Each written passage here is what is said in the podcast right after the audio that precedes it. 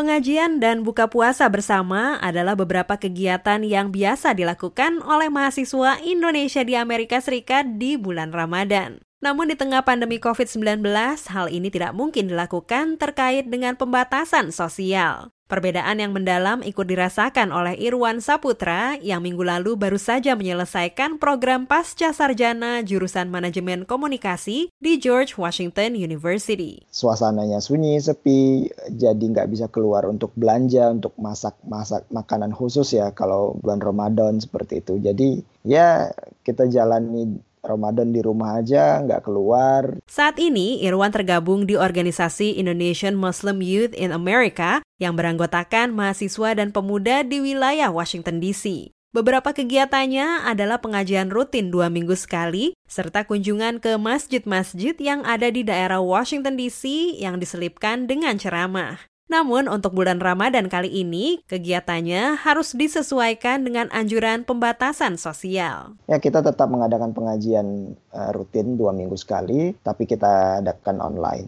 Rencana kita sebelumnya padahal kita ingin buka puasa bersama, itu sudah nggak mungkin bisa dilaksanakan sekarang ini. Sebagai mahasiswa, Irwan kerap mengikuti kegiatan yang diadakan oleh organisasi kampus Muslim Students Association atau MSA termasuk kegiatan di bulan Ramadan tahun lalu, seperti buka puasa bersama dan pengajian. Selain pengajian online, untuk tahun ini MSA mengadakan kegiatan menarik di media sosial. Di Instagram itu mereka buat share your iftar gitu. Jadi kita foto uh, iftar kita dan berbagi gitu. Maksudnya berbagi gambar dengan budaya masing-masing. Selain kegiatan ibadah di bulan Ramadan, baru-baru ini Satgas COVID-19 Persatuan Mahasiswa Indonesia di Amerika Serikat atau Permias di tingkat nasional mengadakan acara bincang kesehatan bertajuk Sehat dan Bugar selama dan setelah bulan Ramadan yang ditujukan kepada pelajar serta masyarakat Indonesia di Amerika Serikat. Acara yang dilakukan melalui aplikasi pertemuan virtual ini menghadirkan Dr. Gaga Irawan, dokter spesialis gizi klinik, dan staf pengajar Fakultas Universitas Pajajaran Bandung.